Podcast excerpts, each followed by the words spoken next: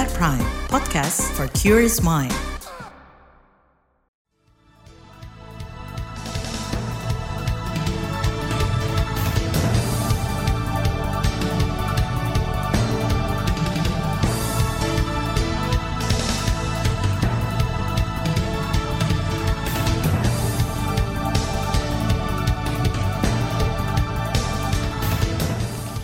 Selamat pagi saudara, senang sekali kami bisa menjumpai Anda melalui program Buletin Pagi edisi Jumat 31 Maret 2023. Bersama saya Naomi Liandra. Sejumlah informasi pilihan telah kami siapkan di antaranya. Gagal jadi tuan rumah Piala Dunia U20, sepak bola nasional harus berbenah. Bekas Kapolda Sumbar Teddy Minahasa dituntut hukuman mati. Dinkes Trenggalek investigasi tewasnya bayi usai imunisasi. Dan inilah Buletin Pagi selengkapnya. Terbaru di Buletin Pagi. Saudara Presiden Joko Widodo berharap masyarakat belajar dari batalnya Indonesia menjadi tuan rumah Piala Dunia U20 tahun ini. Jokowi menyadari gagalnya Indonesia membuat banyak orang kecewa. Namun kepala negara meminta semua pihak menghormati keputusan yang diambil Federasi Sepak Bola Dunia FIFA. Saya pun sama juga merasakan hal itu, kecewa dan sedih, tapi jangan menghabiskan energi untuk saling menyalahkan satu sama lain. Dan sebagai bangsa yang besar, kita harus melihat ke depan, jangan melihat ke belakang. Jadikan hal ini sebagai pembelajaran berharga bagi kita semuanya, bagi persepak bolaan nasional Indonesia.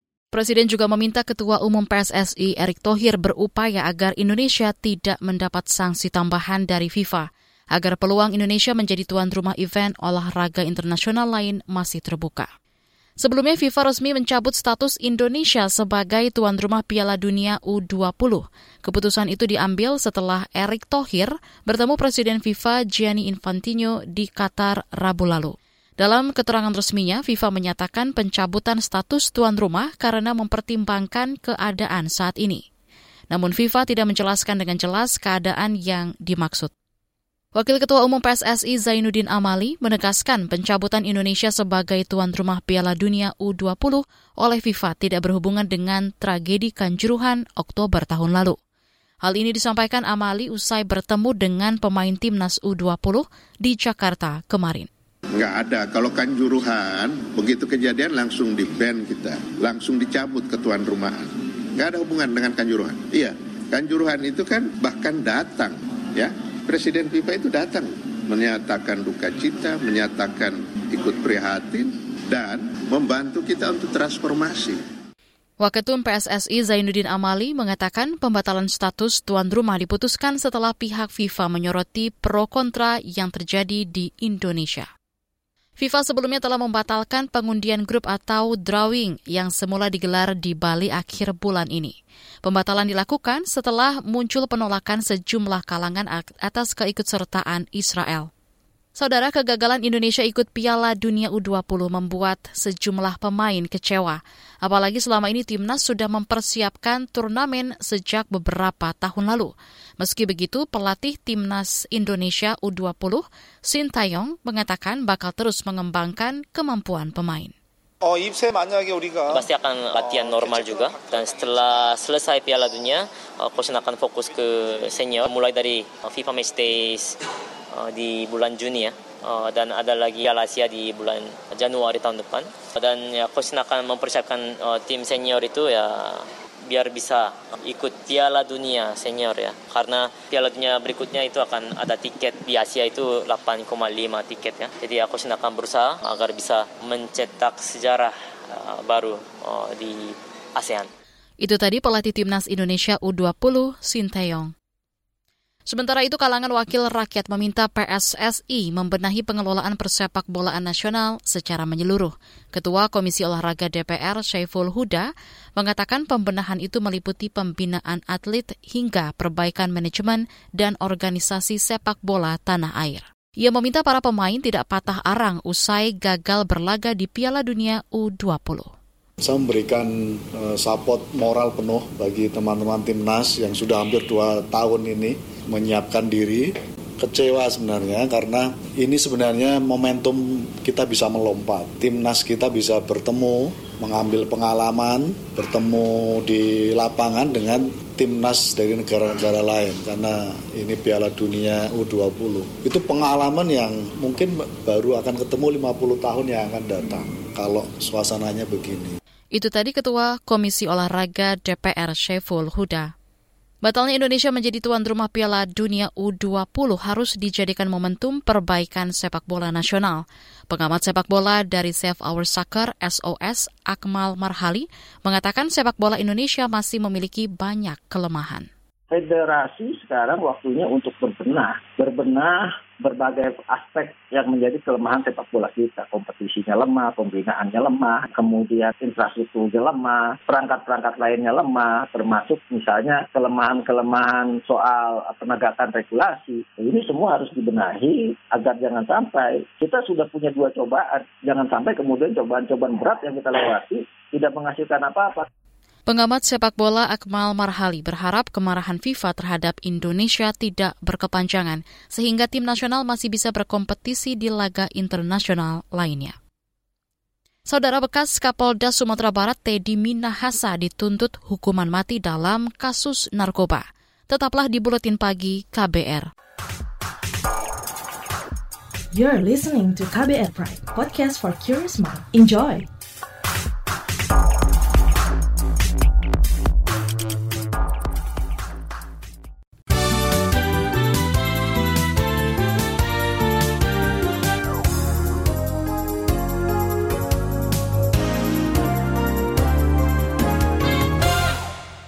Anda sedang mendengarkan buletin pagi KBR. Presiden Joko Widodo berharap stok kebutuhan beras dalam negeri terpenuhi di masa panen raya. Kata Jokowi, jika pasokan beras tinggi, harga di pasaran akan normal. Itu disampaikan Jokowi usai meninjau panen raya padi di Kabupaten Maros, Sulawesi Selatan kemarin. Ya kita harapkan itu mulai panen, panen, panen, panen, kemudian masuk ke rice mill dan keluar sebagai beras, segera masuk ke pasar. Artinya kalau suplainya banyak, suplainya melimpah, ya itu sudah otomatis teorinya pasti harga turun. Suplainya kurang, berarti otomatis harga naik. Presiden Jokowi mengatakan pemerintah menargetkan penyerapan cadangan beras pemerintah atau CBP oleh Bulog tahun ini mencapai 2,4 juta ton. Jokowi mengklaim pemerintah akan terus berupaya memastikan ketersediaan beras di seluruh provinsi.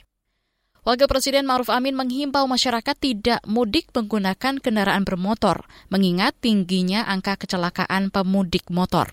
Berdasarkan data Mabes Polri, 78 persen kecelakaan saat mudik lebaran melibatkan pengendara motor kita himbau supaya dia uh, betul-betul menjaga diri dan mempersiapkan diri kalau mudik pakai motor. Ya sebab itu itu berbahaya ya. Kalau bisa memang pemerintah meminta jangan pakai motor. Karena itu ada pergerakan untuk mudik gratis itu. Saya kira itu ya. Mudah-mudahan tahun ini kalau tidak ada bagus atau atau ya uh, jumlahnya tidak banyak Wakil Presiden Maruf Amin menjelaskan pemerintah sudah menyediakan program mudik gratis untuk menekan jumlah pemudik motor.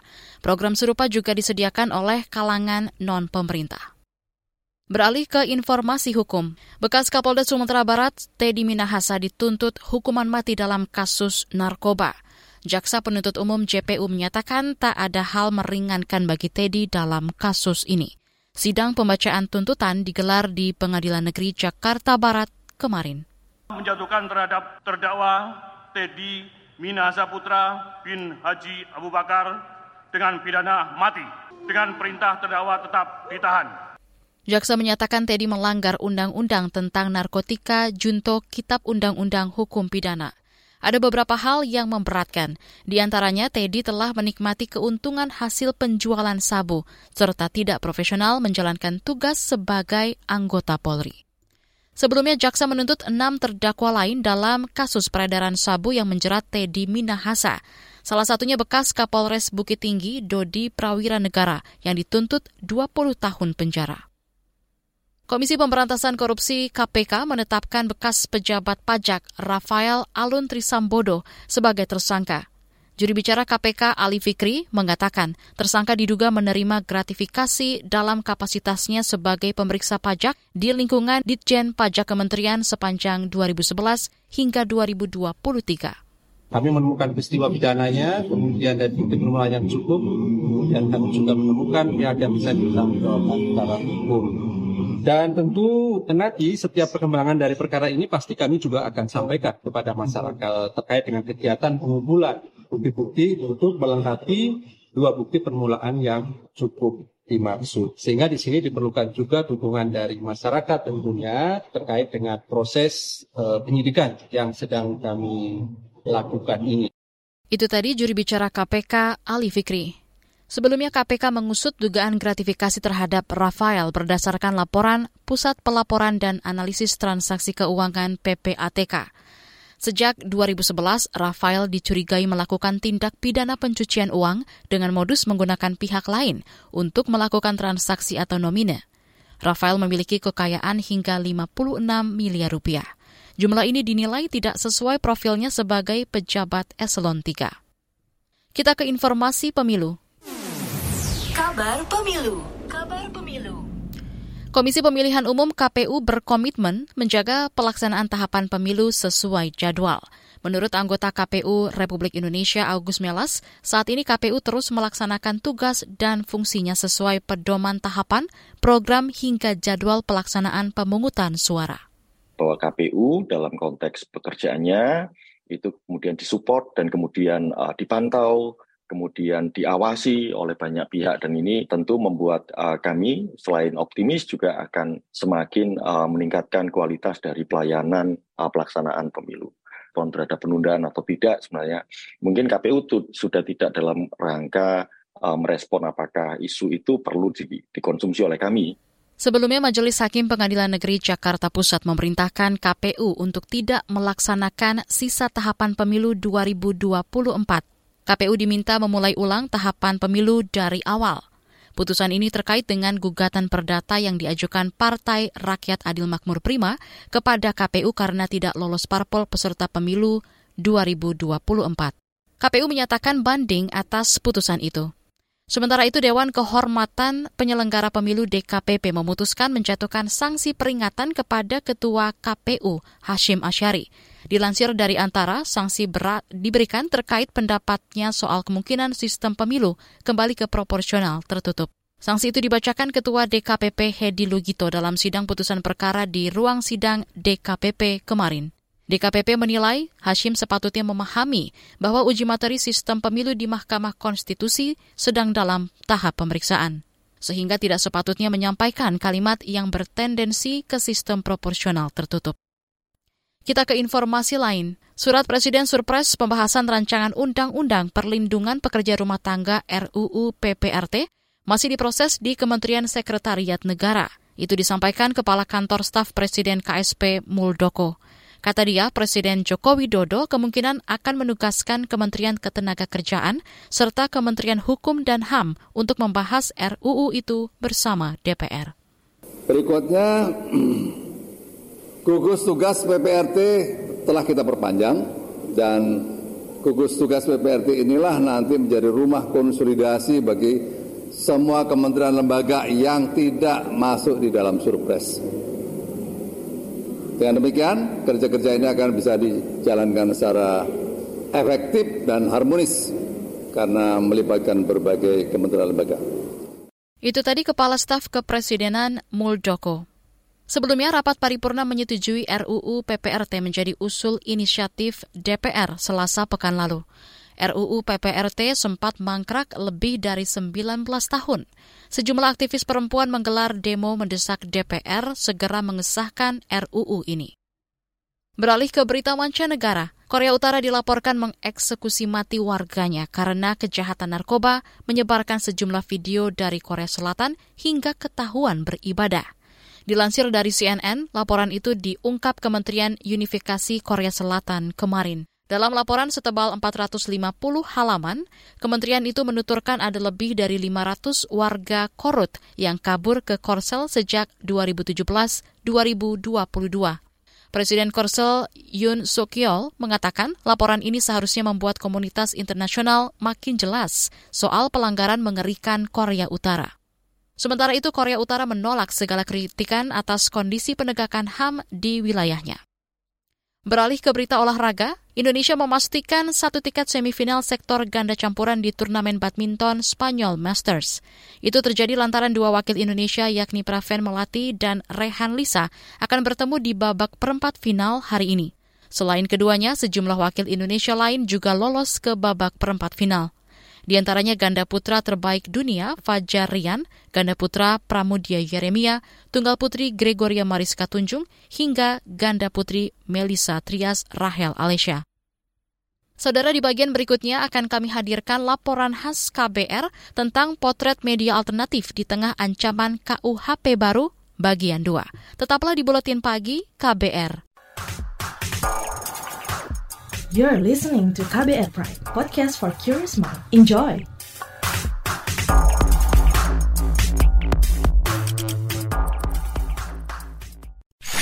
Commercial break. Commercial break. Transfer ke sini udah, bayar ini juga udah. Ke gue udah. Heh, Allah, pertumbuhan ekonomi tuh lagi melambat, persis kayak tabungan gue. Betul banget harus matang ngelola keuangan. Pengennya tuh investasi sesuatu gitu ya. Apa gitu yang cocok dan menguntungkan?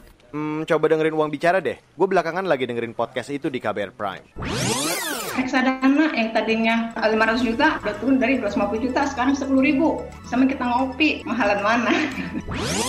Ketika itu ada keputusan yang kayak begitu investor harus tahu gitu oh ada keputusan ini berarti implikasinya apa? Orang mungkin perluas literasi kamu lewat podcast Uang Bicara Uang Bicara menavigasi kamu dengan menghadirkan bahasan-bahasan seru dan populer mulai dari investasi sampai kebijakan dipersembahkan oleh KBR Prime dan bisa didengarkan di KBR Prime, Spotify, dan platform mendengarkan podcast lainnya. KBR Prime, podcast for curious mind.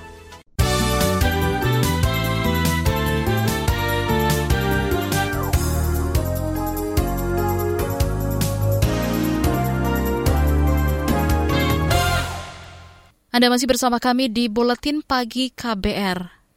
Media alternatif makin eksis berkembang di era digital. Keberadaannya memberi warna dan perspektif baru di dunia maya. Namun di sisi lain, posisi mereka rentan karena tidak terdaftar di Dewan Pers.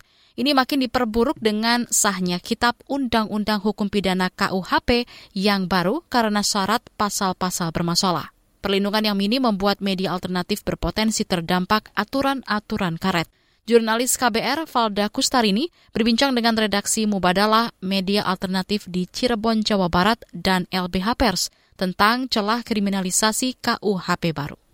Saya dari awal sadar apa yang saya tulis isu-isu tentang hak perempuan dan anak eh, soal gender soal dialog antar agama itu akan menyinggung kelompok-kelompok tertentu. Iya saya sadari dari awal. Hafizul Al-Mawali menjadi kontributor Mubadalah sejak 2021 media alternatif yang lahir di Cirebon, Jawa Barat pada 2017 ini dikenal dengan perspektif keislamannya yang terbuka dan progresif. Konten-konten yang diunggah seperti keadilan gender dan toleransi berpotensi diserang kelompok yang berseberangan. Hafizo sempat mendapat serangan digital. Fitur pesan di Facebooknya berulang kali dikirimi tautan video porno. Serangan ini diduga terkait unggahan tulisan-tulisannya di Mubadala. Lebih banyak video-video pornografi seperti itu ya. Kalau bagi saya tidak memanusiakan sesama begitu ya. Seenaknya sendiri mengirimkan hal-hal yang bersifat spam seperti itu. Bukan hanya spam menurut saya, itu bentuk kekerasan sebetulnya ya. Kini, Hafizoh menerapkan langkah preventif sebelum mengirimkan tulisan. Bahasanya pun diperhalus agar tidak terkesan ofensif. Satu prinsip yang penting banget ya, yang saya pegang begitu bahwa validasi data, double cross check bahkan multi cross check itu juga harus dilakukan oleh kawan-kawan pers. Nah, ketika semua itu sudah dilakukan, ya maju saja begitu, tulis saja begitu, jangan pernah ragu, hmm, jangan pernah takut. Hmm.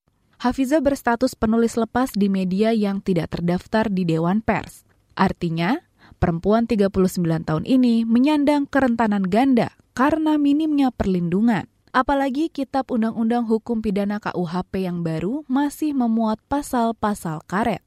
Misalnya pasal tentang penyebaran berita bohong atau hoax yang rentan dipakai untuk mengkriminalkan media alternatif. Di dapur redaksi pun mulai diterapkan sunting ketat sebelum menerbitkan konten, kata pemimpin redaksi Mubadalah Zahra Amin.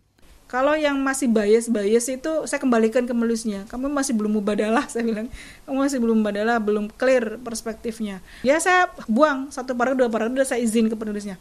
Mohon maaf saya buang satu paragraf ini yang saya anggap itu uh, bias atau nggak jelas ini kamu mau lari ke mana. Artikelnya saya buang, saya bikin tambahkan artikel satu paragraf baru yang itu intinya adalah pesan dari artikel itu. Zahra putar otak bagaimana melindungi mubadalah dan para kontributor dari potensi kriminalisasi.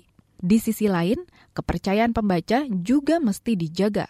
Harus ada proses review, kita lebih memikirkan dampak jangka panjang atau sustain berkelanjutan.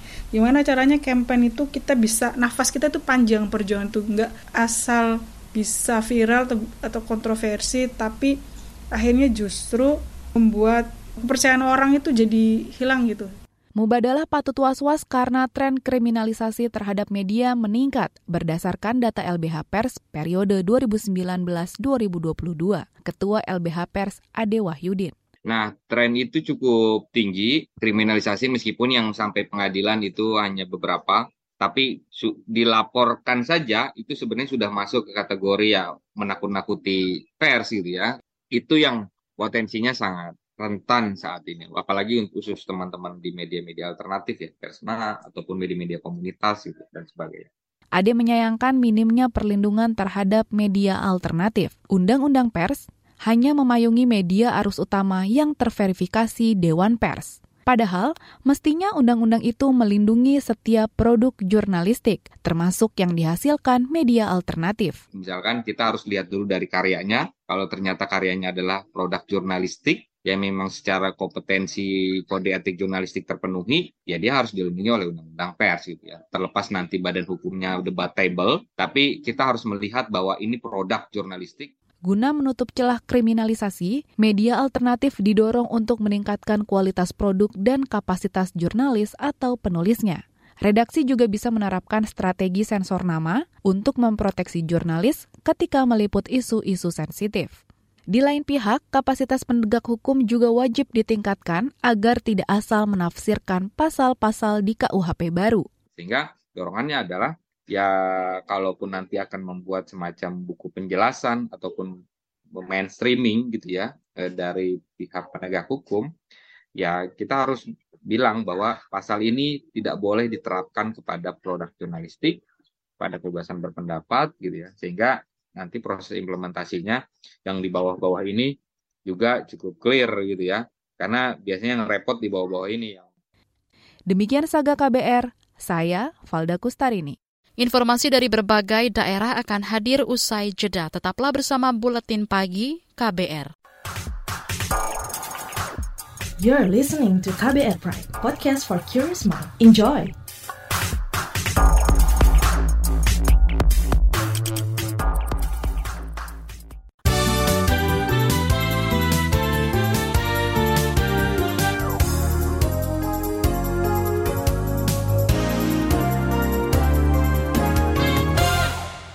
Inilah bagian akhir buletin pagi KBR. Saudara Dinas Kesehatan Trenggalek Jawa Timur melakukan investigasi atas tewasnya bayi berusia lima bulan usai mendapat imunisasi. Bupati Trenggalek Muhammad Nur Arifin mengatakan, dari investigasi sementara korban diduga meninggal karena penyakit lain yang muncul bersamaan dengan imunisasi. Imunisasi kan juga bukan bukan satu orang saja, banyak kan tapi case-nya yang seperti ini makanya kan dengan adanya nanti investigasi dan lain sebagainya semoga itu nanti semakin membuka apa sih sebenarnya penyebabnya apa betul karena imunisasi ini kan kalau urusan apa medisnya saya saya nggak nggak nggak ngerti lah ya nanti biar biar investigasi nanti seperti apa. Sebelumnya bayi lima bulan di Trenggalek tewas setelah menerima imunisasi dari bidan desa. Kakek bayi Sugeng Prayitno mengatakan cucunya mendapat imunisasi DPTHB, polio, dan vaksin PCV pada selasa pekan lalu. Setelah mendapatkan imunisasi, korban mengalami demam tinggi hingga kejang-kejang. Bayi nahas itu sempat diberikan obat penurun panas, namun tidak kunjung reda. Korban menjalani perawatan selama sehari semalam namun meninggal pada Jumat pekan lalu. Kasus kematian ini dilaporkan ke Polres Trenggalek. Lembaga Bantuan Hukum LBH Bandar Lampung mengecam tindakan represif aparat dalam mengawal demo penolakan Perpu Cipta Kerja di depan kantor DPRD Lampung kemarin. Menurut keterangan LBH Bandar Lampung, kericuhan pecah sekitar pukul 15.30. Saat itu polisi menembakkan water, water cannon dan gas air mata ke arah masa saksi. Masa yang panik langsung berlari menyelamatkan diri ke beberapa sudut jalan. Pada saat bersamaan sejumlah masa ditangkap oleh polisi. Kapolretabes Bandar Lampung Ino Haryanto mengatakan ada 40-an pengunjuk rasa ditangkap. Haryanto mengatakan polisi menembakkan water cannon dan gas air mata lantaran ada tindakan massa yang mengarah ke anarkis. Dia menuding aksi itu disusupi kelompok anarkis. Informasi tadi menutup jumpa kita di Buletin Pagi hari ini. Pantau juga informasi terbaru melalui kabar baru, situs kbr.id, Twitter at berita KBR, dan juga podcast di alamat kbrprime.id. Saya Naomi Liandra bersama tim yang bertugas undur diri. Salam.